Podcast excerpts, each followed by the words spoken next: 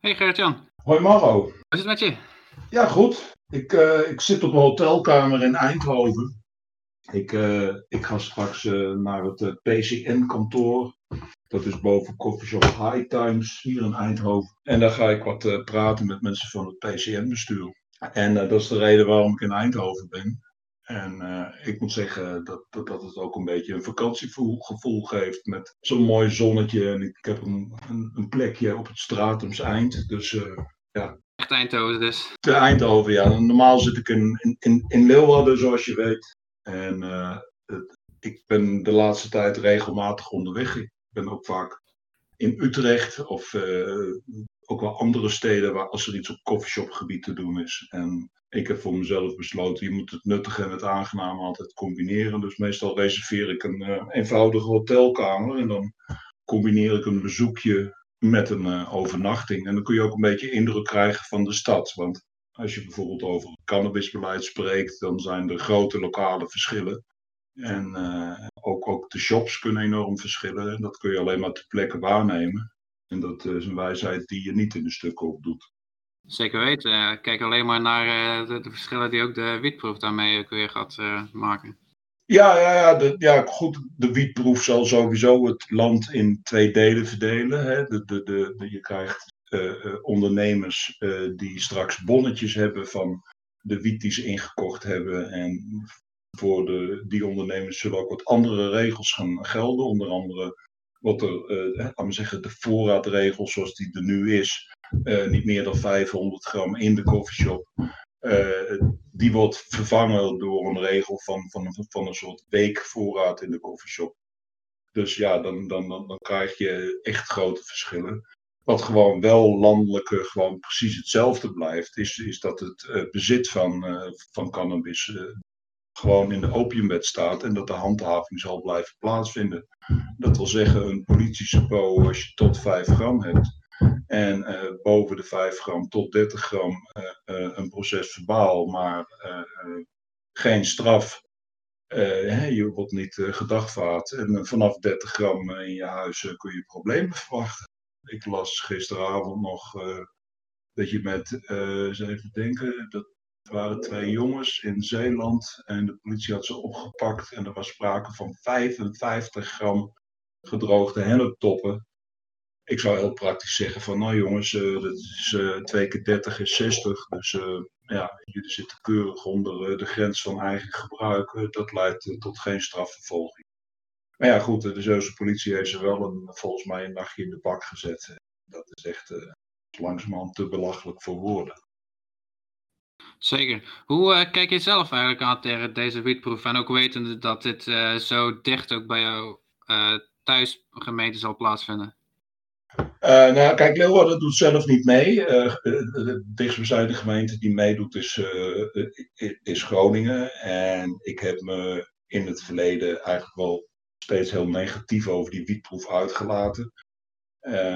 Niet omdat dat, ze nu eindelijk iets doen, maar omdat het gewoon niet zo'n goede proef is. De manier waarop alles bedacht en georganiseerd is. En dat zit hem niet zozeer in het feit dat er geen mensen of geen ambtenaren zouden zijn die. De, of dat er ambtenaren zouden zijn die slecht beleid hebben geschreven, maar het is, laten we zeggen, eh, de politiek die voor die tijd heeft ge- gezorgd dat het experiment een- ja, in een enorme kramp zit. Eh, eigenlijk, als je het experiment analyseert, is de belangrijkste doelstelling: kunnen we een systeem creëren waarbij ni- niks weglikt? Het- ze zijn er als de dood voor dat, dat, dat de kwekers die aan worden gewezen, dat die dan ook nog stiekem voor de illegale markt of zo gaan kweken. Of dat de illegale markt dan ook nog stiekem aan uh, coffeeshop ondernemers gaat verkopen die in het experiment zitten. En ja, daar zijn eigenlijk al die, die dingen die ze bedacht hebben op gericht. En dat, dat, dat, dat, dat is niet vanuit oogpunt van, van de consument gedaan. Dat is niet vanuit oogpunt van uh, de coffeeshop ondernemer gedaan, maar het is vanuit oogpunt van de overheid gedaan van uh, kan het een gesloten keten blijven? Het zijn eigenlijk twee woorden, gesloten en keten, die de benauwdheid van het hele experiment weergeven. En ja, dat is gewoon super jammer. Daarnaast is het natuurlijk, uh, ik doe zelf niet mee, dus ik kijk heel geïnteresseerd wat er gebeurt. En ik zal als een van de eerste in de trein naar Groningen stappen om die nieuwe wiet uit te proberen. Of de nieuwe nederhash. Dus ja, uh, slecht experiment, wel heel nieuwsgierig. Ja, duidelijk. Ik ben ook zeker benieuwd naar uh, wat eruit gaat komen. En ik ben ook zeker uh, van plan om mensen in te schakelen om geregeld langs hun koffieshop te gaan en ook hun ervaringen daarover te delen. Ja, dat, ik, ik denk dat dat, dat, want het is zeer opvallend dat, dat, dat vanuit consumentenhoek eigenlijk ja, weinig ja, beleid is, maar ook weinig aandacht. Ik, ik, ik hoor consumenten er zelf ook niet zoveel over. Het zijn meestal de coffeeshop-ondernemers die in een kramp schieten. En een, ja, ik weet ook niet of dat gaat gebeuren. Of, of de, laten we zeggen, de legale wiet van een betere dan wel mindere kwaliteit zal zijn dan de wiet die nu wordt aangeboden. Dat, dat moeten we allemaal, allemaal maar afwachten. Maar dat consumenten hun mening geven over de producten die geboden worden, over de manier waarop ze behandeld worden, hoe het allemaal gaat. Hè? Want ze worden geconfronteerd met een hele andere manier van verkopen. Hè? De, de, mensen zijn gewend een zakje te kopen. Sommige shops wegen ze los af. Maar niks van dat alles meer. Het is een, een, een, ja, een gesloten verpakking, verzegeld. Je kunt er niet doorheen kijken. Er staan allerlei waarschuwingstekens op.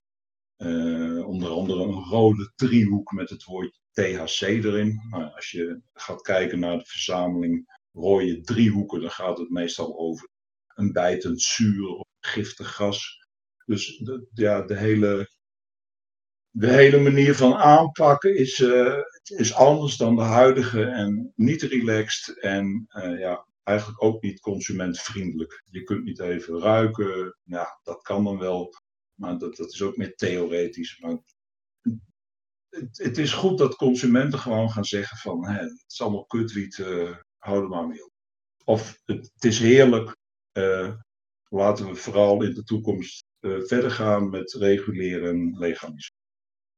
En ja, ik wil, ik wil daarnaast nog even opmerken, een heel ander verhaal. In ieder regulerings- en legaliseringsmodel is er ook altijd ruimte voor de thuiskweek, dus het bezit zelf van een aantal planten.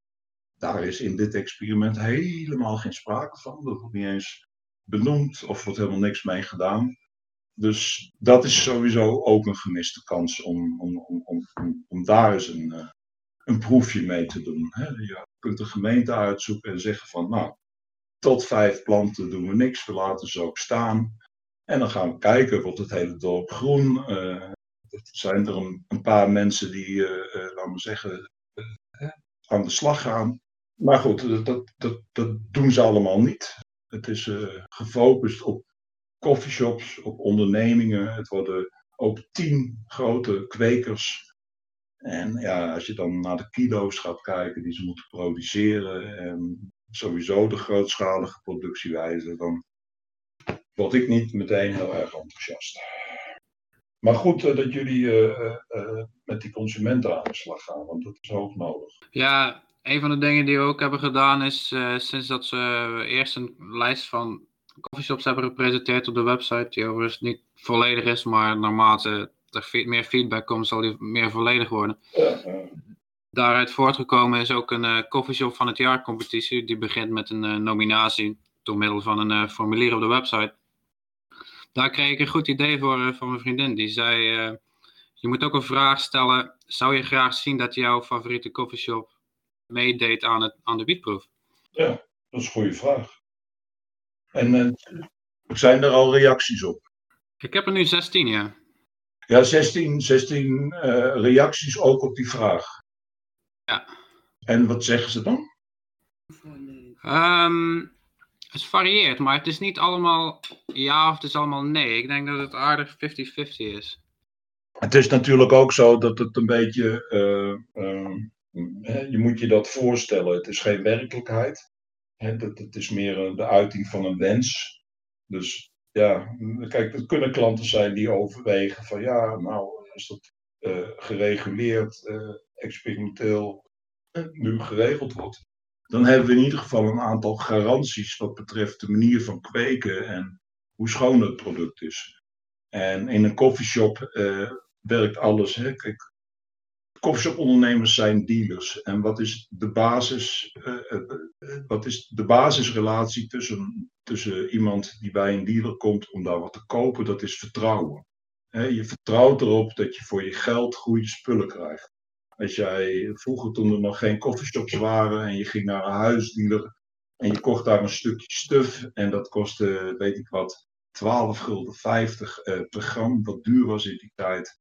En je zat daar thuis van, met het idee van, is dit wel stuf? Dan ga je nooit meer naar die gast toe. En uh, dat is dus eigenlijk de vertrouwensrelatie tussen de coffeeshop ondernemer en zijn klant. Mijn, onze klanten vertrouwen erop dat wij uh, goede, schone spullen aanleveren. En ik weet niet of dat in alle steden, of dat vertrouwen zo groot is. En uh, ik kan me heel goed voorstellen dat als je vrij nuchter nadenkt, dat je dan zegt, ja, het zou mooi zijn als dat gecheckt is. Of die wiet schoon is, of dat, dat er garanties zijn voor de productiemethode. En dat is natuurlijk voor consumenten de overweging om te zeggen van, nou, doe mij dat dan maar, want dan heb ik in ieder geval een soort garantie dat er niet mee ge geknoeid is. Terwijl bij illegale productie, eh, dat kan helemaal uh, volgens de regelen de kunst zijn, helemaal schoon, helemaal biologisch. En uh, ja, je, je kunt er niet een, een, een testuitslag bij zetten van, kijk, uh, goedgekeurd door de Nederlandse Vereniging van Rokers of wat dan ook. dus, dus voor de consument kan ik me die overweging wel heel goed voorstellen. Van, ik heb, we weten nu eindelijk waar we hè, de grote vraag van wat zit erin en wat zit erop, die wordt nu eindelijk aan, aan de hand van wat feiten, uh, uh, uh, krijg, je krijgt gewoon feitelijke informatie daarover. En dat is voor een consument denk ik wel fijn. Zeker weten. Dus. We gaan het zien. Ik ben benieuwd hoe zich het allemaal gaat ontwikkelen. Gisteren was, zoals jij ook weet, de dag dat de termijn sloot voor ondernemers om zich in te schrijven als, als, als kweker voor het experiment. En er zit nu ergens op het ministerie iemand al, die, ja, al die aanvragen te inventariseren en door te nemen. En ik heb geen idee hoeveel het er zijn. Zijn het er 20? Zijn het er 200? Zijn het er nog meer? En ja, ze moeten dat terug weten te brengen tot, tot tien ondernemingen. En uh, die kunnen dan aan de slag. En dan, ja, dan gaat zich ook nog een hele grappige discussie ontspinnen van, van uh, waar komt de kwekerij te staan? En wil de desbetreffende gemeente, schuine streep burgemeester, schuine streep gemeenteraad, willen die wel een kwekerij in hun gemeente? Daar is glazen over. Ik las dat project C, toch? Uh, die, die hebben een hele grote investeerder binnengesleept. Dus ja, daar zal het ook een beetje op hangen van uh, kunnen ze allemaal dukken, uh, kunnen ze, hebben ze allemaal genoeg geld om te investeren? Want ja, er, wordt, er wordt een enorme productie van je verlangd en je zult flink moeten investeren voordat er een eerste oogst is. Dus ja, dat, Join us doet mee, las ik op Twitter. Dus dat, dat, dat zijn de eerste dan, waarvan ik het weet. Ja, ik ben ook een lijstje op aan het stellen van initiatieven die zich in ieder geval openbaar hebben uitgesproken dat ze een deelname hebben gedaan. Ja, ja.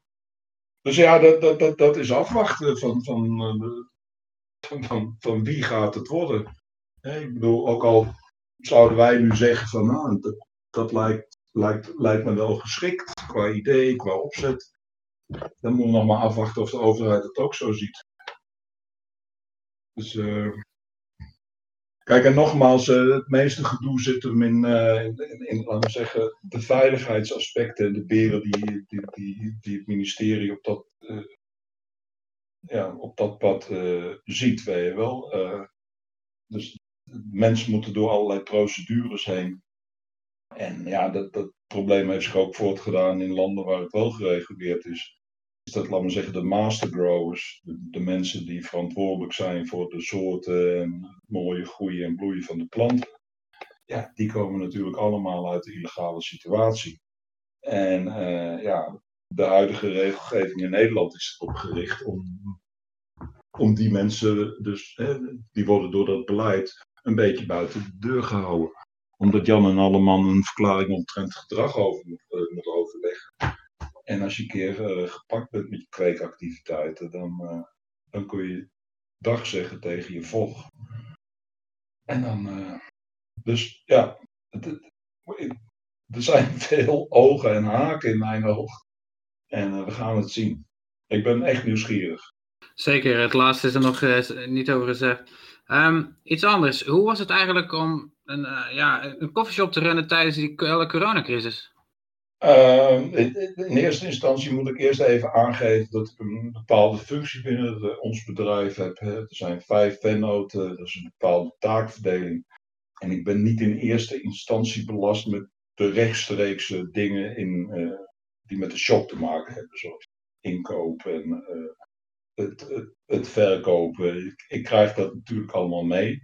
Een boel van mijn activiteiten, die, uh, die kan ik met een laptopje uitvoeren. Ik bedoel, als het gaat over overleg of schrijven of whatever. En ja, ik, we hebben toen ook de goede raad van de regering opgevolgd van werk thuis. Dus in, in, die zin heb ik wat gemist.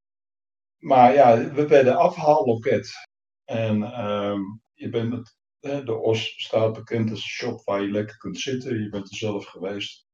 En ehm, ja, dat valt helemaal weg. En uh, ja, er is natuurlijk een angst voor, je, voor, voor de mensen, voor de medewerkers.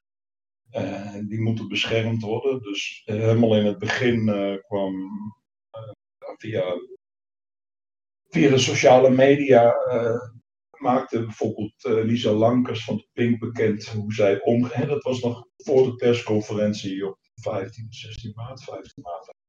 Uh, dat Rutte zei van nou, de boel gaat nu over 20 minuten dicht. Toen waren er al een heleboel ondernemingen die uh, van, plexiglas, hoe heet dat, blokketjes hadden gemaakt. die allerlei dingen al hadden bedacht.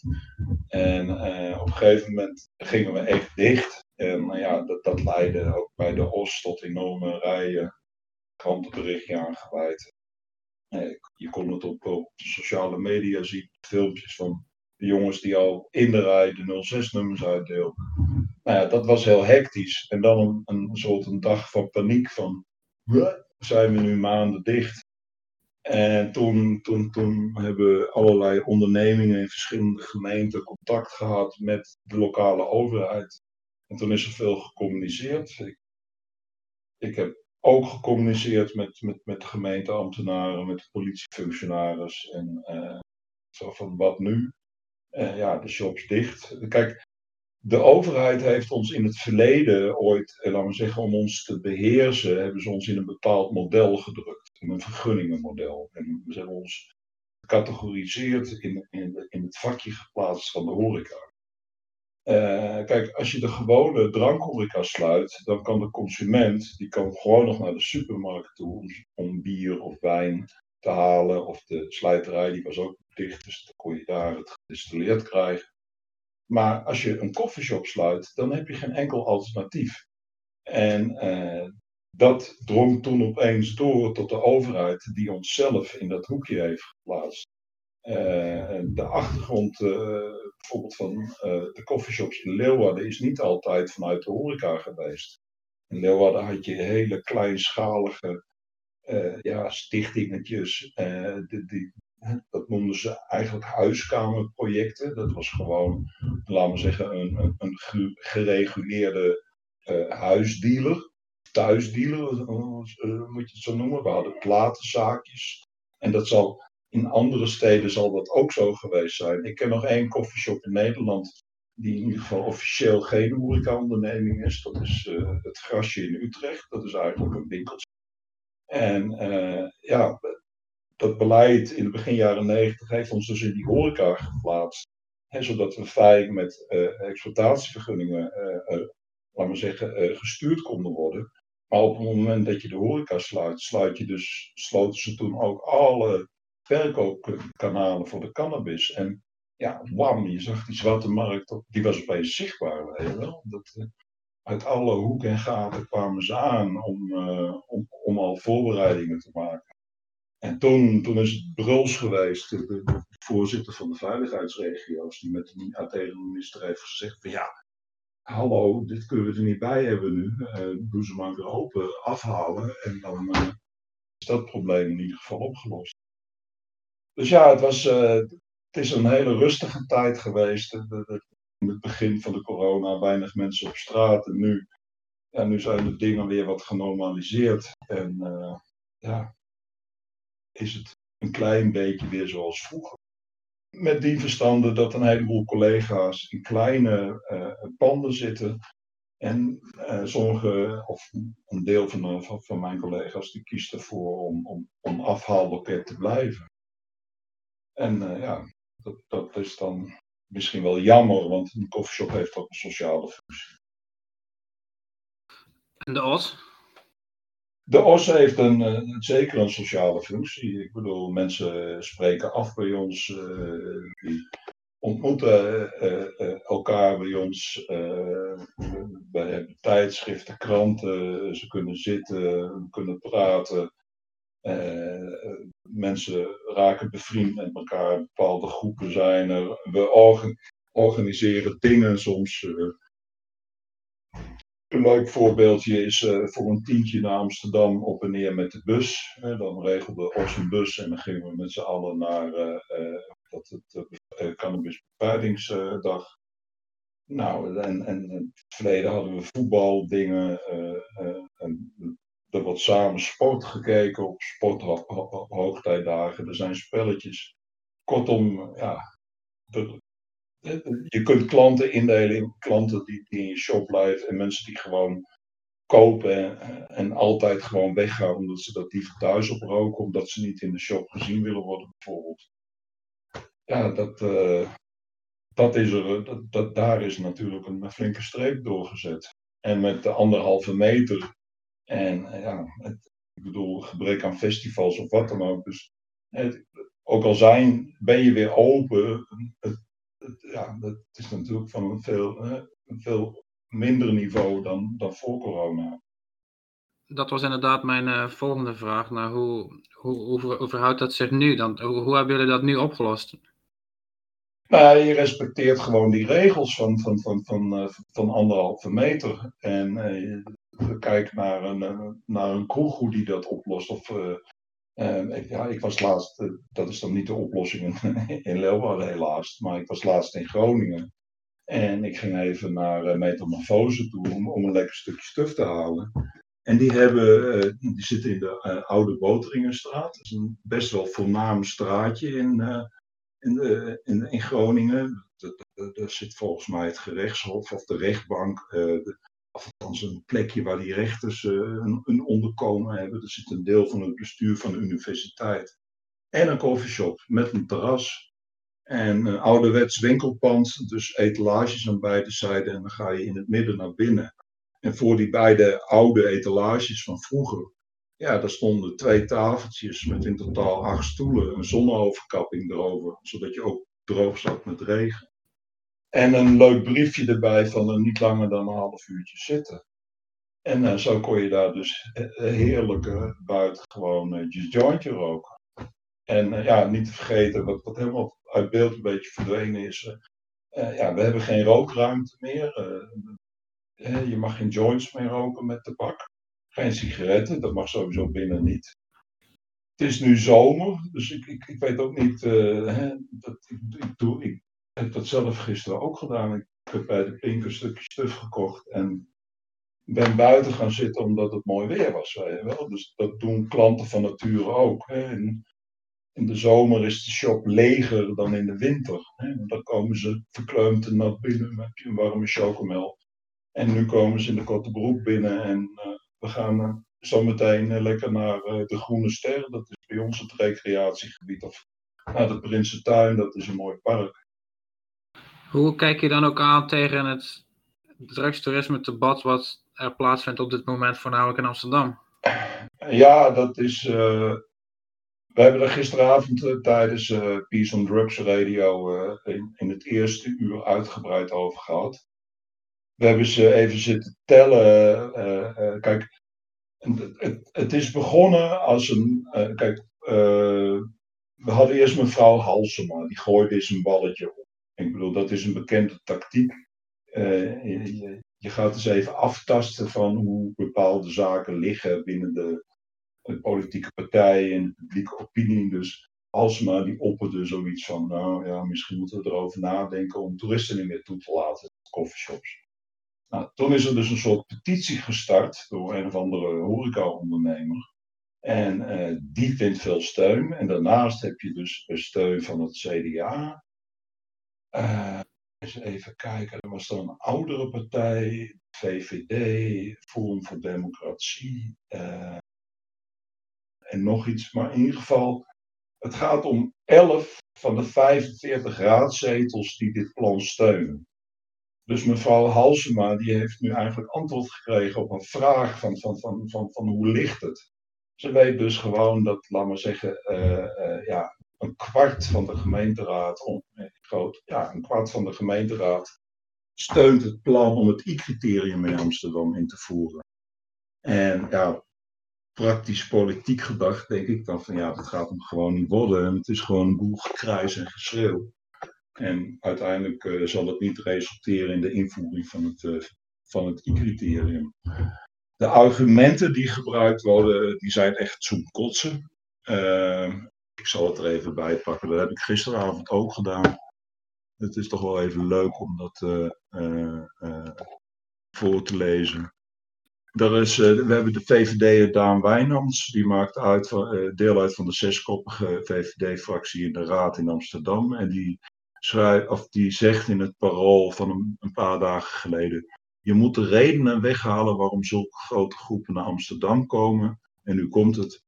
Dat zijn de dames achter de ramen en vooral de wiet.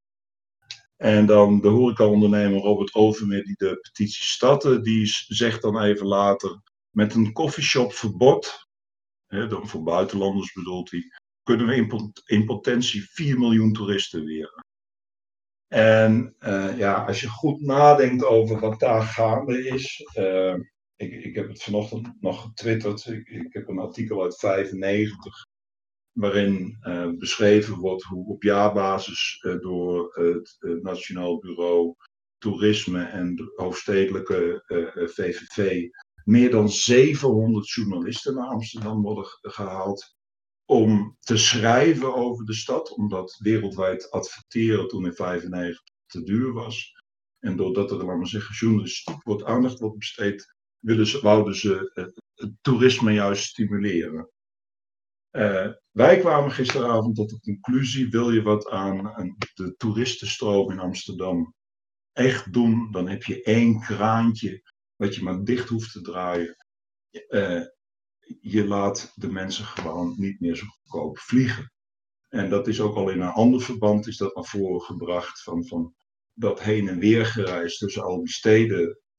Dirk zei gisteravond, als hij naar Barcelona vliegt, dat is voor hem goedkoper dan een tweede klas retourtje uh, uh, Eindhoven-Leeuwarden.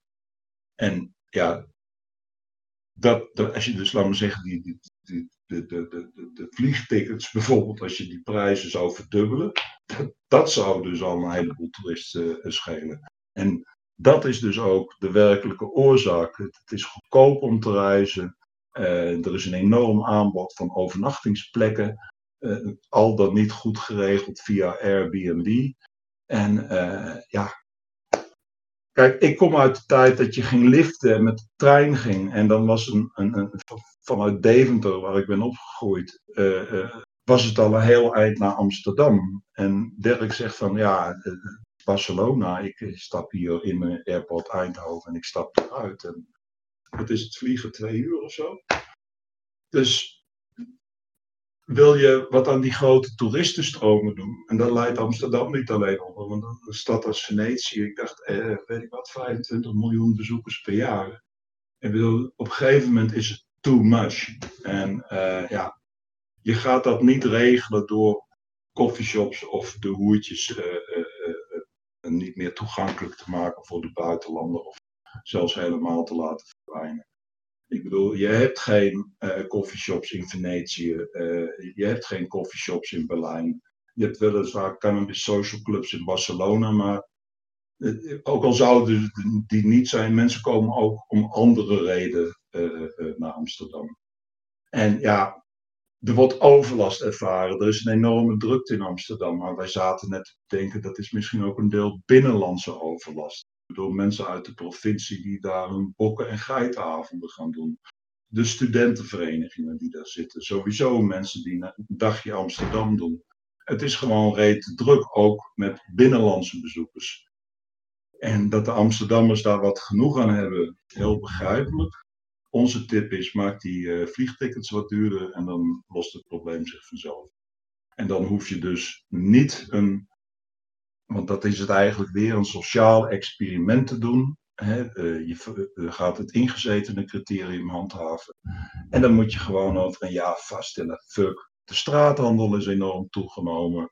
Allerlei onverkwikkelijke toestanden. Er is geen scheiding van de markten meer voor de buitenlanders die hier toch ook nog met miljoenen naartoe komen. Amsterdam zat op 18 miljoen vorig jaar of zo. Dus ja, uh, het is in mijn ogen een beetje een storm in een glas water. Tot nu toe. Uh, als, als een van de progressieve partijen, bijvoorbeeld D66, omgaat, dan zitten we opeens op, als ik het goed gerekend heb, op 18 of 19 zetels en ja, bij 22 zetels ligt het omslagpunt. Zijn er 23 raadzetels die, die zeggen van wij ondersteunen het I-criterium. Ja, dan valt Amsterdam. En als Amsterdam valt, dan, dan dat, dat, is, dat is erg. Want dat gaat betekenen dat, dat andere steden dat ook gaan doen. Dus ja, nu lijkt het nog allemaal redelijk onschuldig, maar God verhoede dat, dat ze het doen. Een van de manieren om aan maatschappelijk probleem als dit iets te doen, is om je te verenigen. Zelf stond je aan de basis van het PCF, de voorloper van het PCN. Hoe, hoe kwam dat eigenlijk tot stand? Uh, nou ja, dat is eigenlijk heel natuurlijk gegaan. Ik, kijk, het ontstaan van het PCF uh, eh, valt eigenlijk samen met het ontstaan uh, van, van ons bedrijf. Het is allemaal ooit begonnen met een, een, ja, wij noemden dat een servicewinkel voor de biologische thuiskweker. Die zat, uh, die zat in de binnenstad van, van Leeuwarden in een klein winkelpandje. op nou, op zo'n 60 meter van 50, 60 meter van de politiepost. boven was het veel glas en dan zag je zakken aarde, kweeklampen, nou ja, alles wat je bij kleinschalige thuiskweek nodig hebt. En we zaten in de souterrain. En uh, uh, ja, daar hadden we aan het oog onttrokken, uh, was er nog weer dan een keldertje waar we onze stekjes hadden staan. Geen grote aantallen, om zich tot, tot, tot 100 stekjes ongeveer. En we hadden in het souterrain zelf, waar je van buiten wel naar kon kijken, hadden we onze proefopstelling staan. En we deden dat, in toen de tijd deden we dat met ons tweeën. Dus ja, we hadden bedacht van, alhoewel die aantallen planten toen ook niet eens echt gehandhaafd werden. Maar goed, we hadden een proefopstelling met zo'n prachtige uh, uh, ja, remote control lamp van, van, van Positronics uit Amsterdam. 600 watt, anderhalve vierkante meter. En nou ja, daar, daar hebben we, dat kon je gewoon van buiten zien. Dan zag je de dames in het prachtige oranje licht staan. En nou goed, via die servicewinkel is, er, is de OS eigenlijk ook ontstaan. de OS heeft in vroegere tijden, dat was voor mijn tijd, maar is er een soort stichting geweest. Nou, die, was ter ziele. Dat, dat hebben we min of meer opnieuw opgestart, maar dan in bedrijfsvorm. En in 1996 bestond de coffeeshop de OS zoals die nu is dan officieel. En we zaten toen in een pandje. Toen kwam er ook uh, in Leeuwarden. En uh, dat we daar op die plek niet konden blijven. En dat er Light kwam. Ehm, ja, dat is eigenlijk de aanleiding geweest om het PCF op te richten. En eigenlijk kwam dat door één opmerking. We waren op een gegeven moment. het begon er eigenlijk allemaal mee we hadden net, laten we zeggen, onze dingen geregeld, zodat alles bij de Kamer van Koophandel keurig was ingeschreven. En toen kwam er een plan van het lokale CDA. Leeuwarden telde toen meer dan, ik dacht op het hoogtepunt hadden wij 22 verkooppuntjes in de stad. Hè. platenzaakjes, van die huiskamerprojectjes, echte klassieke coffeeshops. Uh, nou ja, van alles wat, laat maar zeggen. En uh, het CDA kwam toen met het plan, uh, ja, het moet nu echt beleid komen en de stad moet terug naar vijf coffeeshops die in een horecasetting zitten. Dus geen stichtingen, geen platenzaakjes, geen huiskamers. En uh, ja, toen zijn we in actie gekomen en toen zei iemand, dat was mijn toenmalige vennoot, je moet eens met Koos Swat bellen. En nou ja, de rest is history. Uh, ik, heb mijn ja, Koos is een aantal jaar geleden overleden, maar vanaf dat moment uh, uh, ja, heb ik heel veel samen met Koos Swat gedaan. Hij was toen de tijd betrokken bij de Bond van Cannabis-detailisten, de BCD. En je had toen de tijd ook de Bond van Grootshop-detailisten, de BGSD. Die twee verenigingen die bestonden, die hadden statuten. En Koos die zei tegen mij van, nou, willen we nou in Leeuwarden echt echt, echt, echt goed aan de weg gaan timmeren, dan moeten we hier een vereniging oprichten. inmiddels waren alle koffieshophouders ook wat in opstand gekomen. We hadden al een soort werknaam bedacht. En nou ja, uh, vereniging oprichten, koffieshopondernemers kunnen lid worden. Nou, je had dan die bond van grootshop-detailisten, dat ging over, over de groeishops. Dus ik zei tegen Koos van ja, eh, hoe gaan we dat doen? Als ik Koos, ik fax je de statuten van, hè, fax toen de tijd, uh, uh, van, van, van de BGSD en van de BCD. Die schuif jij in elkaar. En dat heb ik gedaan. Ik heb dat papieren opgestuurd naar het notariskantoor. En uh, op 14 februari 1997 zijn we naar de notaris gestapt. En toen hebben we dus een vereniging opgericht. Die zowel coffeeshop ondernemers als groeishop ondernemers verenigt. En uh, wij hadden, dat maakte ons anders dan, laten we zeggen, de twee bestaande landelijke bonden, de BGSD en de BCD. En het onderscheid werd nog eens bevestigd, doordat we, uh, hoe heet dat, uh, ons beperkten tot Friesland. We vonden Leeuwarden te klein en er waren een aantal shops buiten Leeuwarden die ook op belangstelling hadden getoond, omdat we ook veel in de pers waren geweest. En toen hebben we dus het PCF opgericht. En uh, toen hebben we dus het eh, PCF opgericht. En wat er in 2000 is gebeurd, toen is gewoon de F veranderd in een N. En dat kwam onder meer uh, door het gegeven dat het BGSD van het toneel was verdwenen, min of meer. En dat kwam ook door het gegeven dat een heleboel mensen de, de, BCD eigenlijk als een Amsterdamse club zien. En zich daar niet zo thuis bij vonden. En nou, eh, de rest is history. PCM is van Leeuwarden verhuisd op een gegeven moment naar Eindhoven. En uh, ik dacht dat we nu iets van 70 leden hadden. Dus en PCN heeft zich ook al met allerlei dingen bemoeid. Ik ben tot 2012, uh, eh, dus als oprichter, secretaris, vicevoorzitter, voorzitter, allerlei functies bekleed, woordvoerder geweest. En ik ben laat in mijn leven vader geworden. Dat was in 2009 en in 2012.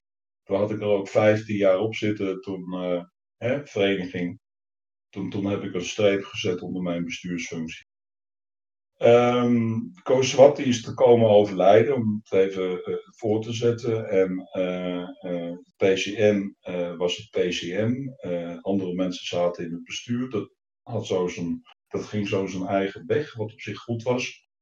Maar Koos die had nog één, uh, één, één, min of meer wens, dat er een soort stichting moest komen.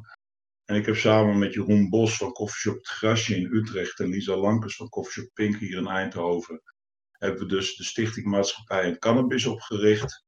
En uh, die uh, zorgt voor, in ieder geval voor de website Cannabis Kieswijzer. En ja, daarnaast hebben we wel meer plannen, laten we zeggen, richting de toekomst als, als stichting. We hebben onder andere in onze papieren staan dat we bijeenkomsten kunnen gaan organiseren of wat dan ook. Maar het belangrijkste is op dit moment die cannabis kieswijzer. Dat, dat, dat, dat was ook al iets wat in de bonden ontstond. Hè? Opkomst, bevordering. Dat doet de BCD aan, dat doet de PCN aan, al sinds jaar en dag. Met posters. En de cannabis kieswijzer geeft, laten we zeggen, de inhoudelijke argumenten. En uh, ja, daar ben ik nu in actief. En, uh, ik kan je wel verklappen dat ik nu zometeen uh, een gesprek zal hebben met het bestuur van het PCN. En die hebben mij gevraagd of we niet weer eens wat hè, zouden op kunnen zetten in PCN-verband. En daar ga ik vanmiddag over praten. En dan, daar kan, na dat gesprek kan ik er wat meer over zeggen, maar het zal niet netjes zijn om dat nu allemaal te verklappen. Dus uh, ja, dat is een beetje de grote lijn. Het, PCF is eigenlijk een, een club Friese uh, uh, cannabisactivisten, coffeeshop-ondernemers en ook wat mensen uit de growshophoek. Uh, heel lang was ons eigen growwinkeltje en Organic Earth in Maastricht waren de enige twee growshops die lid waren. Maar goed, in principe kunnen meer, zo Plantarium of aanverwante shops. we hebben bijvoorbeeld een thuiskweker in Leeuwarden zitten. Uh, die zouden ook lid kunnen worden van het PCN. En die zouden dus niet lid kunnen worden van de BCD. Dat is ook wat de culturen tussen BCD en PCN een beetje markeert. Hè? Dat, dat PCN is echt breder. Hè? Dus en coffeeshops en uh, growshops, maar ook andere cannabis gerelateerde ondernemingen. En mensen die in de, eh, zeggen, in, de vloei zo zitten, hè? die duidelijk aan onze business gerelateerd zijn. Daar is ook iemand lid van. Uh, Evert Verdampen is bijvoorbeeld eerlid van het PCN. En uh, ja, dat is ook de reden dat, dat, dat, dat we niet één landelijke bond hebben, denk ik. Uh, dat, omdat het gewoon te verschillend is. Hè. PCN is echt landelijk. Ik zit hier in Eindhoven, er zitten leden in Groningen. Die zitten echt door het hele land. En de BCD is toch eigenlijk voor 80 tot 90 procent Amsterdamse coffeeshop ondernemers. En ja, de Republiek Amsterdam is wezenlijk anders. We hebben het er net over gehad. Maar als jij 18 miljoen toeristen per jaar over, uh, in, in, je stad hebt, dan is een groot deel van je, is een behoorlijk deel van je, van je markt, van je omzet. Ja, dat wordt betaald uh, door mensen die, uh, die hier op bezoek zijn. Ja, interessant. Ik zat ook na te denken over het hele verhaal van de, de coffeeshop en de banken, wat, wat je terecht ook nog opmerkt tijdens de vorige VOC-vergadering. Ja. ja. Want, uh, ik, ik, het was me al langer bekend, ik, ook vanuit de zadenbusiness weet ik een beetje hoe dat zit met de bankenwereld. En ik, ik was al langer bekend, of ik, ik zag in mijn eigen coffeeshops dat er of de pinautomaat werd eruit gehaald, of na een bepaald uur kon je niet meer pinnen. Of zelfs, uh, ik, ik, vorige week zag ik bij de Pink een briefje wat ik even zal voorlezen voor de luisteraar. help de coffeeshops en betaal vaker contant. Coffeeshops moeten de cannabis die ze inkopen contant afrekenen. Door de coronacrisis betalen meer coffeeshopbezoekers elektronisch. Echter, als wij contant geld willen opnemen om de retailers te betalen, valt het in de slechte aarde bij de banken. Met drugs wil men niets te maken hebben, zaak is. Daarmee, daarom vragen wij de coffeeshopbezoekers om een stuk solidariteit in deze kwestie. Door weer wat vaker contant te betalen, zoals voorheen, hoeven wij geen geld bij de bank op te nemen om jouw rokertje te kunnen kopen. De pink. Ja, dat is, dat is fantastisch. Je vraagt dan om medewerking van de klanten en een, nou, een deel van de klanten zal het doen. Kijk, om even het probleem uh, te schilderen. Uh, het heeft, uh, we hadden het net over het experiment. Ik zei toen van, nou kijk, die, die coffeeshop ondernemers die hebben straks inkoopbonnetjes. Die kopen legaal die wiet in. Nou, het hele punt is, uh, wij, wij hebben geen inkoopbonnetjes. Want uh, als je geld gaat overmaken aan iemand die een koffieshop, aan een koffieshop levert, dan ontstaat er voor de politie een heel te, uh, gemakkelijk te volgen spoor. En is de kweker binnen de kortste keer opgepakt. Dus al die betalingen gaan, gaan cash, contant. Je rekent contant af met je leverancier. En ja, dat is gewoon een wet van mede en persen. En zolang laat me zeggen, het echt niet goed geregeld is. zodra het niet legaal kan, dan, dan, kunnen, dan kan dat niet via, hè, kun je niet betalen via, via geld overmaken.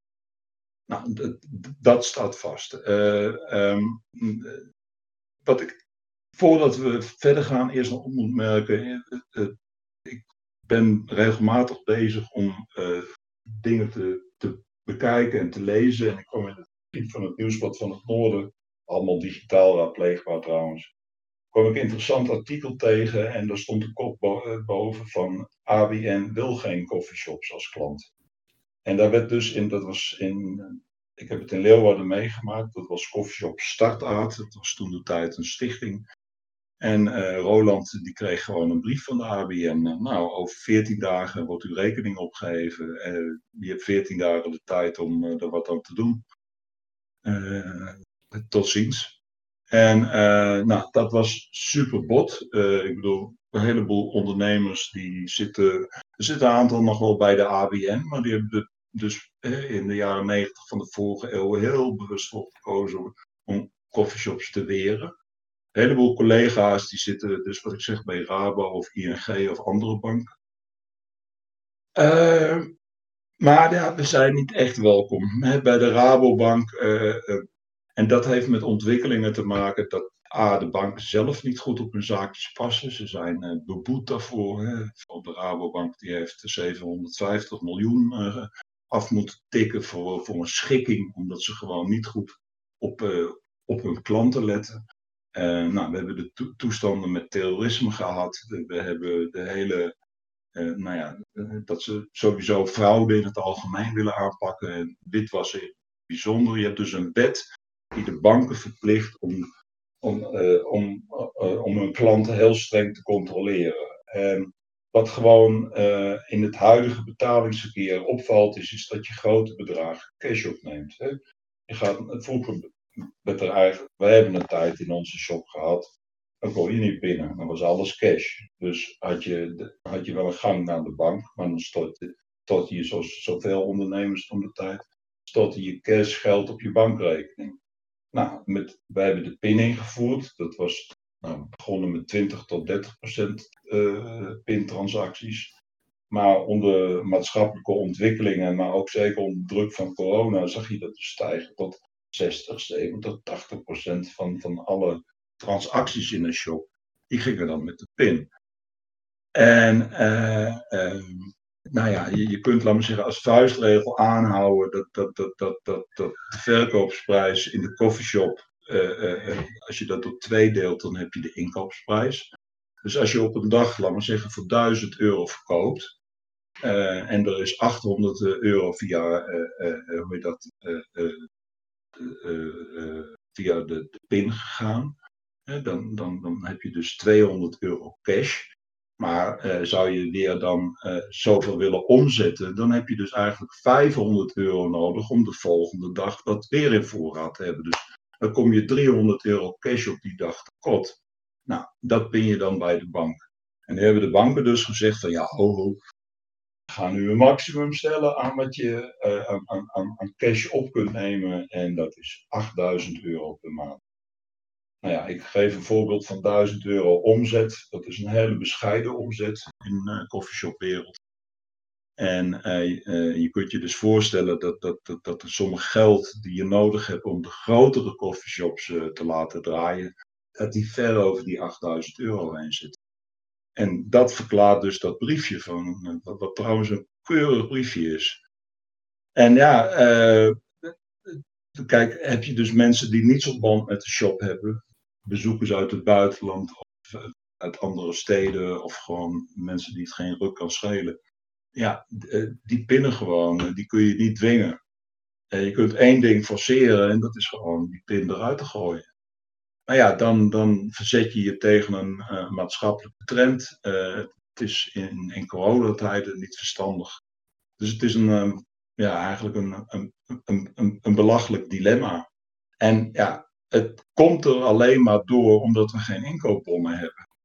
He, hadden we inkoopbonnen van de wiet, was de, was de productie gewoon gereguleerd. Dan konden we het gewoon, konden we onze toeleveranciers, onze kwekers, konden we betalen door het, bedrag wat we ze verschuldigd zijn gewoon over te maken op een bankrekening.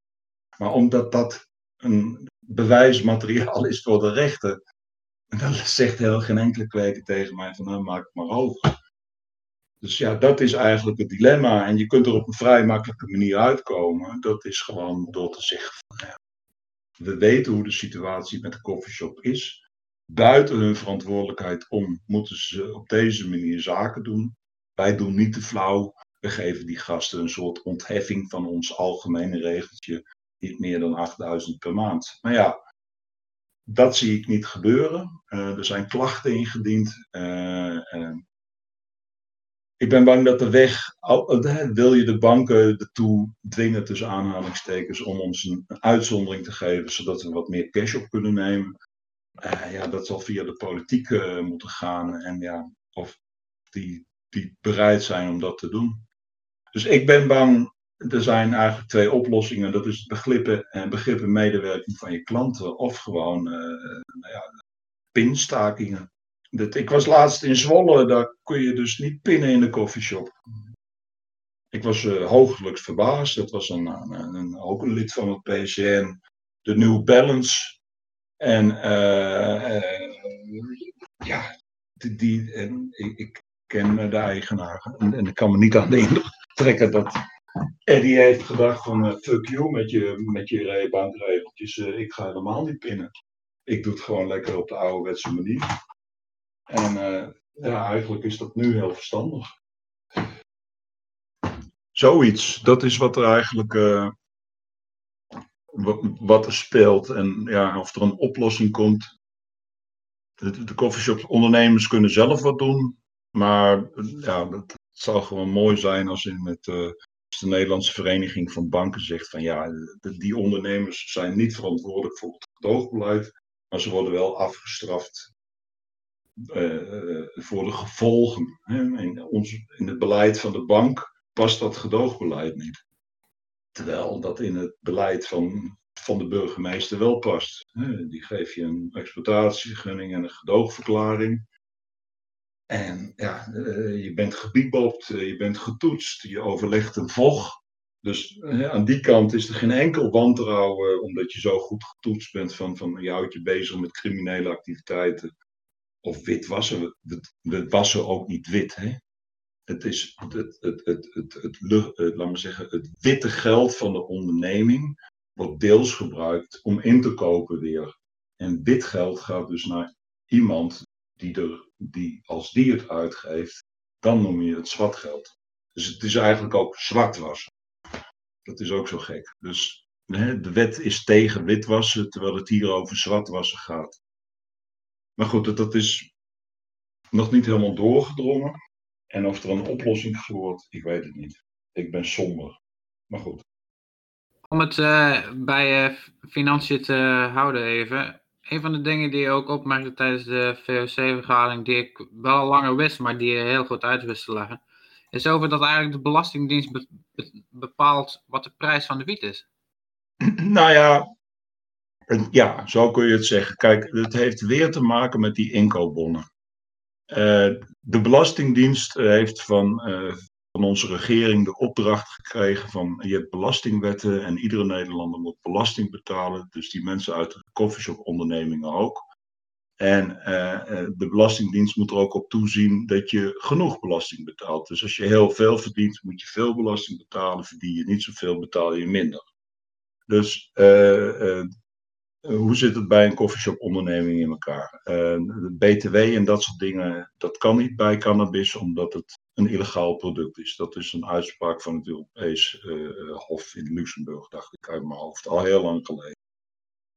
de Belastingdienst heeft belasting, heeft IB-belasting bij de coffeeshop ondernemers, inkomstenbelasting.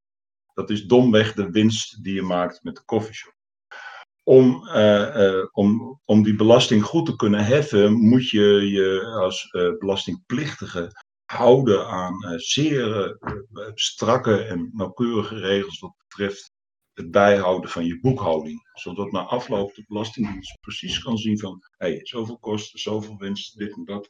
Dus moeten jullie dat ons betalen. Wat wil nou het geval bij de koffieshop? Kijk, bij een gewone onderneming kun je dus heel goed aan de hand van de facturen controleren van wat hebben ze ingekocht. Je kunt heel goed aan, aan, aan, aan, aan, aan, de kasadministraties eh, zien van uh, wat, wat is de omzet en gooi je dat in een boekhoudsysteem, dan kun je winst berekenen. Maar de voorwaarden daarvoor zijn die inkoopfacturen. Nou, die hebben we niet in de koffieshop. Ja, dat is dus een probleempje, want eh, de inkoopsprijs staat dus voor de Belastingdienst niet vast. En het maakt dus wat uit of je iets inkoopt voor 3 euro en je verkoopt het voor 10, of je koopt het in voor 7 euro en je verkoopt voor 10. In het ene geval heb je 7 euro winst en in het andere geval 3. Dat wil zeggen dat de Belastingdienst in het ene geval, als ik het door midden doe, 3,5 euro krijgt en in het andere geval 1,5 euro. Nou, Belastingdienst wil zijn geld hebben, dat is het punt verder niet. Alleen, we zitten met die inkoopfacturen. Die hebben we niet. En daarnaast is er dat stomme probleem van de 500 gram. Want de Belastingdienst heeft in brieven aan ons laten weten, en dat weet iedere koffieshophouder, het is een standaard zinnetje, in die wij constateren dat u meer dan 500 gram in voorraad heeft of administratief in voorraad heeft, dan melden wij dit aan de officier van justitie. Dus iedere koffieshoponderneming heeft een boekhouding die niet verder gaat dan 500 gram. Is er sprake van inkoop in die boekhouding, dan zijn dat, laten we zeggen, uh, uh, kleine stukjes, kleine hoeveelheden, voorverpakte zakjes die je inkoopt. Hè, want je hebt wat, al wat van je 500 gram verkocht. De administratie van de inkoop, die bij ieder ander bedrijf gewoon toegankelijk en inzichtelijk is, dat is bij een koffieshop dus niet zo. Want dat is eigenlijk de administratie van een grote illegale voorraad, waardoor je als koffieshop gesloten kunt worden. Zaak hier in Eindhoven. De politie vindt voorraad van koffieshop Pink. En de koffieshop is dicht en de eigenaresse zit in de bak. Dus je houdt je mond wel over die administratie. Die laat je de Belastingdienst niet zien. Nu voel je dus aan op je klompen dat je dus kunt sjoemelen met, dat, met, dat, met, met de inkoopprijzen uh, uh, van je wiet. Je kunt tegen de Belastingdienst zeggen van ik heb er zes voor betaald en in werkelijkheid heb je er vier voor betaald. Dan heb je twee euro's wat in je zak zit. Had de Belastingdienst een truc op bedacht? Ze zeiden van, ze hebben dus gesteld van wij eisen van jullie dat jullie winstmarge, jullie bruto winstmarge 100% is. En dat komt er in Jip en Janneke taal op neer. Koop je het voor 5 in, dan moet je het voor 10 verkopen. Als na afloop je boekhouding door de Belastingdienst wordt gecontroleerd en ze constateren dat, dat, dat, dat die verkoop, uh, dat die bruto winstmarge kleiner dan 100% is, dan worden ze wantrouwig. En dan, uh, ja, dan, dan gaan ze verder graven. Dus iedere ondernemer die eigenlijk een fijne relatie met de Belastingdienst wil onderhouden, zorgt ervoor dat die winstmarge 100% is. En in die zin bepaalt de Belastingdienst dus de prijs van de wiet. Normaal zou het zo gaan van, nou, stel je koopt een powerplantje in en dan betaal je, weet ik wat, 5 euro voor. Het zijn allemaal fictieve bedragen. Nou, eh, je, je kijkt er eens naar en je denkt twee weken, niet lekker. Weet je wat, we gaan niet moeilijk doen, we leggen dat voor acht in de shop. Dat kan dus niet. Je kunt dus niet de afweging maken van, van hoe zit het, hoe is precies de prijs-kwaliteitsverhouding? Hoe is dat voor de klanten? Uh, je kunt niet re reclame maken in de zin dat je bepaalde producten extra goedkoop doet. En ja, dat, dat, uh, in, in die zin zit er op andere producten in dit land niet een soort wettelijke verplichting om zoveel winst te maken. Bij de coffeeshops is dat dus zo, omdat de Belastingdienst onze onderliggende boekhoudingen, die zijn er, ik weet de Belastingdienst ook, alleen ontkennen we dat. Bij deze wordt het ook ontkend, we hebben hem niet. Maar daar hebben ze geen zicht op. En zodra er dus bonnen zijn, en ik verwacht dus ook in het experiment, dat, je die eis dan, dat die eis dan ook los wordt gelaten. Dus je zou in het experiment kunnen zien dat daar een coffeeshop ondernemer bij een legale kweker iets inkoopt voor zes. En die zou in het oude systeem dan voor twaalf in de, in, in de shop moeten. Maar dat ze zeggen van ja, kom, eh, we hebben een ander product, dat hebben we ingekocht voor vijf, maar dat is veel lekkerder. Dus dat je gaat schuiven met die, met die marges en dat relateert aan de kwaliteit en de vraag van je klanten. Nou, die vrijheid is er nu dus niet. En in het experiment wel, domweg, omdat je dan inkoopbonnen hebt. Ja, zeer interessant. Wij moeten wel. Als wij dat niet doen, dan krijgen we bij een, bij een toekomstige controle, dan krijg je meteen de opmerking van, hé, hey, waarom hebben jullie 90% winstmarge? Dat vinden wij verdacht. En uh, ja, dat, dat, en zoals de Pink dus aandacht vraagt voor, voor, voor hè, want dat is ook eigenlijk komt het neer op inkoopbonnen, want die heb je dan niet van. We willen meer cash hebben. Zo heeft de Belastingdienst dus uh, ja, min of meer bedacht van, nou, uh, willen we ongeveer goed zitten met onze belastingheffing, dan moeten we dat op 100% zetten. Maar die maatregel kunnen ze dus loslaten zodra de bonnen zijn. En zodra de bonnen zijn, dan hebben we dat cashprobleem ook niet meer en kunnen we geld overmaken naar de kweker. En ja, deze, deze situatie die, die, uh, ja, die heeft zich in de loop der jaren ontwikkeld. Eh, Kooswat die zei altijd van, van, van, van is het uh, gedoogbeleid ruk? Is dat kut? Is dat kloten? Is dat slecht? Nee, dat is niet slecht. Het is half afgemaakt. Ze hebben gewoon de aanbodzijde, de, de, de productiezijde, de achterdeur zoals ze het noemen, die hebben ze gewoon niet geregeld, niet gedoogd. Terwijl dat ook had gekund. En ja, dat, dat, dan, dan, door dat niet te gedogen, die achterdeur, heb je dan een, situatie van 20, 25 jaar dat we, dat we op een bepaalde manier moeten werken. En je ziet dus dat, dat, dat ondertussen banken en belastingdiensten dan daar op een eigen manier door andere ontwikkelingen gedwongen mee aan de slag gaan. En ja, dat, dat, dat, het, is, het is wat dat betreft heel jammer gewoon. Dat was uh, toen met de Paarse drugsnota, toen waren we bijna zover dat we via een netwerk van thuiskwekertjes een soort, soort reguleringsmodel zouden kunnen maken. Maar dat is er nooit van gekomen. En toen was de politiek aan zet en toen kregen we CDA-kabinetten en, uh, en andere toestanden. En we hebben je, Donner gehad als minister van, van, van Justitie, later opstelte. En toen, toen, toen, toen was het fatsoenlijk gesprek over het reguleren van de achterdeur niet eens mogelijk. Ja, en dan, uh, dan zit je op een gegeven moment met de gebakken peren. Hoe kijk je zelf eigenlijk aan en ook vanuit de cannabis kieswijzer aan tegen de aankomende verkiezingen van 2021? Nou ja, kijk, de cannabis kieswijzer zegt van, van, van blowetjes in dit land, besef goed, het drugsbeleid, dat is politiek. Dat zijn politieke keuzes. En, en door, je kunt een paar keer uh, uh, in je leven kun je, kun je dit doen door een hokje rood te maken. En er zijn dus gewoon politieke partijen die, die cannabisvriendelijk te noemen zijn. En dat zijn over het algemeen de progressieve partijen. Je, je ziet een ontwikkeling. Hè. De VVD was vroeger altijd tegen. Hè. Die willen nu slim reguleren. Het CDA zit notabene in het kabinet dat het experiment doet. Samen met de ChristenUnie, heel wonderbaarlijk. En mensen die altijd geroepen hebben, je moet de koffieshop sluiten, doen nu een experiment met de achterdeurs van de koffieshop. Dat zou ons allemaal heel wantrouwig moeten maken. Maar het doet er dus wat toe uh, wat voor hokje je rood maakt. En het doet er ook wat toe of je wel of niet gaat stemmen. En als alle blowertjes in Nederland uh, zich zouden verenigen, dan gaat het gewoon over, uh, over vijf tot tien kamerzetels. En dan, dan, dan kun je dus gewoon een verschil maken, alleen op dat item. En ik snap heus wel dat de mensen niet alleen naar de stembus gaan omdat ze de cannabis een goed, had, een goed had hebben voor de cannabis, maar dat ze ook andere dingen geregeld willen zien. Maar ik kan je verklappen, je kunt uh, D66, dat is redelijk rechts te noemen, uh, in, in, in, in, economisch opzicht, laat maar zeggen. Uh, je hebt de SP, de Partij van de Arbeid, DENK, de Partij voor de Dieren. Dat zijn allemaal partijen die zeggen van ja, eigenlijk moeten we dit nu eens gaan regelen half werk tot nu toe. En, en, en er zijn dan verschillende modellen hoe ze dat willen regelen. Maar anders dan, dan, dan, dan uh, het CDA, de ChristenUnie, de SGP, uh, uh, PVV doet nu ook heel moeilijk.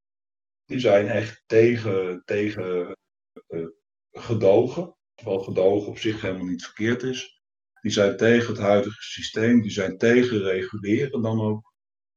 En ja, dat als, je daar, als die meerderheden in, in de gemeenteraden of in, in, in, de Kamer of voor mij part ook in het Europees Parlement ontwikkelen, ja, dan staat ons beleid staat op de tocht. Net zoals aan het begin zei ik van, van wat gebeurt er nu in Amsterdam? Nou, het zijn nu 11 van de 45 raadzetels. Maar dat zou dus na verkiezingen zou dat aan, zou kunnen eh, veranderen, die uh, verhoudingen. En uh, een stad als Leeuwarden uh, heeft, ja, dat is een sociaal-democratische stad in hart en nieren, altijd een enorme Partij van de Arbeidsfractie gehad. En als je gaat kijken naar de gemeenten die coffeeshop-beleid hebben, die coffeeshops hebben, dan zul je zien dat daar over het algemeen een progressieve meerderheid in de gemeenteraad is. Kijk, of, je hebt uh, het CDA, het CDA in Leeuwarden zegt vijf coffeeshops. Ik ken geen enkel CDA uh, op lokaal niveau dat, dat zegt van wij willen wel coffeeshops, maar niet te veel. Dus er zijn ook nog weer lokale politieke verschillen. Dus het heeft zin om te stemmen. En uh, de kieswijzer is ervoor om, om, om de mensen voor te lichten. We zijn bezig om een echte stemwijzer te ontwikkelen. Dat is wat je kent van, van, van, van, uh, van het algemene. Het zijn dan 30 stellingen. En in de algemene stemwijzer ben je voor of tegen weet ik wat. dan heb je het over de stikstof, de vluchtelingen en alle andere politieke onderwerpen. En onze cannabisstemwijzer zoomt dan in op het drugsbeleid slash cannabisbeleid. En je ziet dus wel politieke verschillen. Hè? Vera Bergkamps wietwet, die nu nog in een laadje ligt, de, die ziet er heel anders uit dan mijn ideale model. Uh, ik wil ruimte voor de social clubs. Ik wil ruimte voor uh, de thuiskweker. Ik wil dat het bezit van vijf planten of van 30 gram cannabis, dat dat gewoon, gewoon niet meer strafbaar is. Dat dat uit het wetboek van strafrecht verdwijnt. Dat je pas wanneer je een dealersindicatie hebt, en dat is nu vanaf 30 gram. Hè?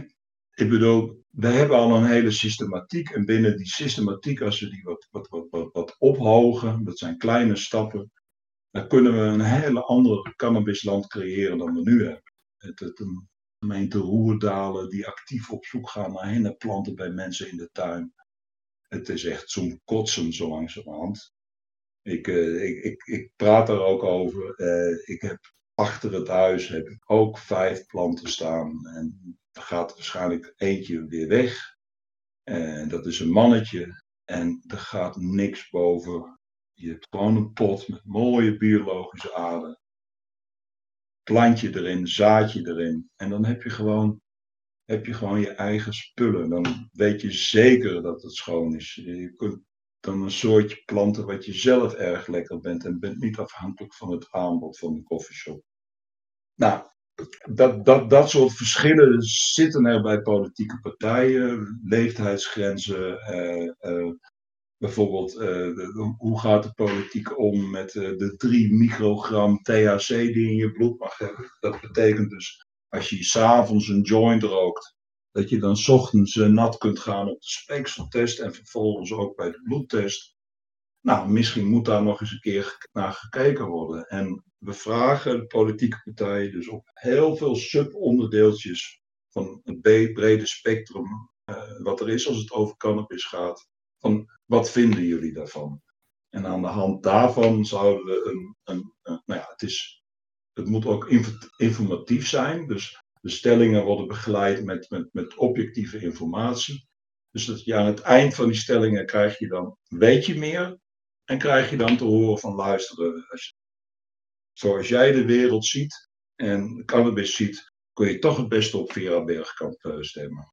En dat is dan het model dat, dat niemand kweekt zelf, maar dat we met z'n allen naar de koffieshop gaan die aangeleverd wordt door, uh, door een legale kweker. En sommige mensen vinden dat prima. Wie ben ik om te zeggen van uh, dat is slecht?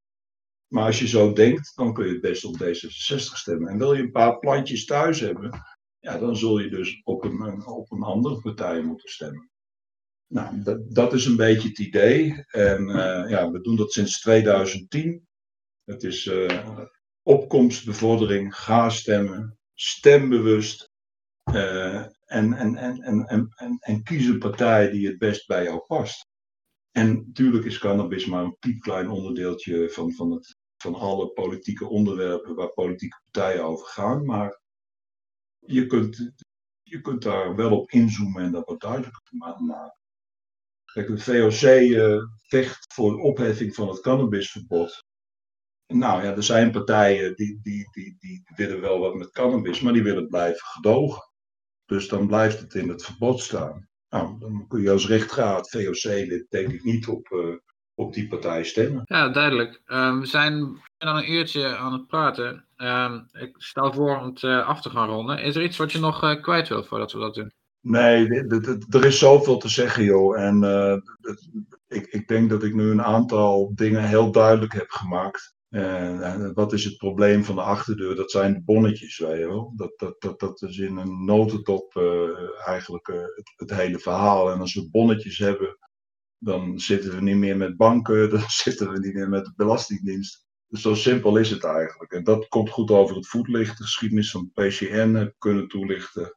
Ik kan je nog wel aankondigen, mijn column ga ik doen over de Stichting Maatschappij en Cannabis. Oké, okay, helemaal top. Ik zit eruit om dit te ontvangen en te publiceren en te mogen delen. Ja, dat, maar daar hadden we een deadline voor afgesproken, toch? Want uh, ik, A, moet ik nu plassen en B, moet ik om 1 uur bij het PCN zijn. Dus ik, ik, ik heb pas mijn kinderen die komen ook.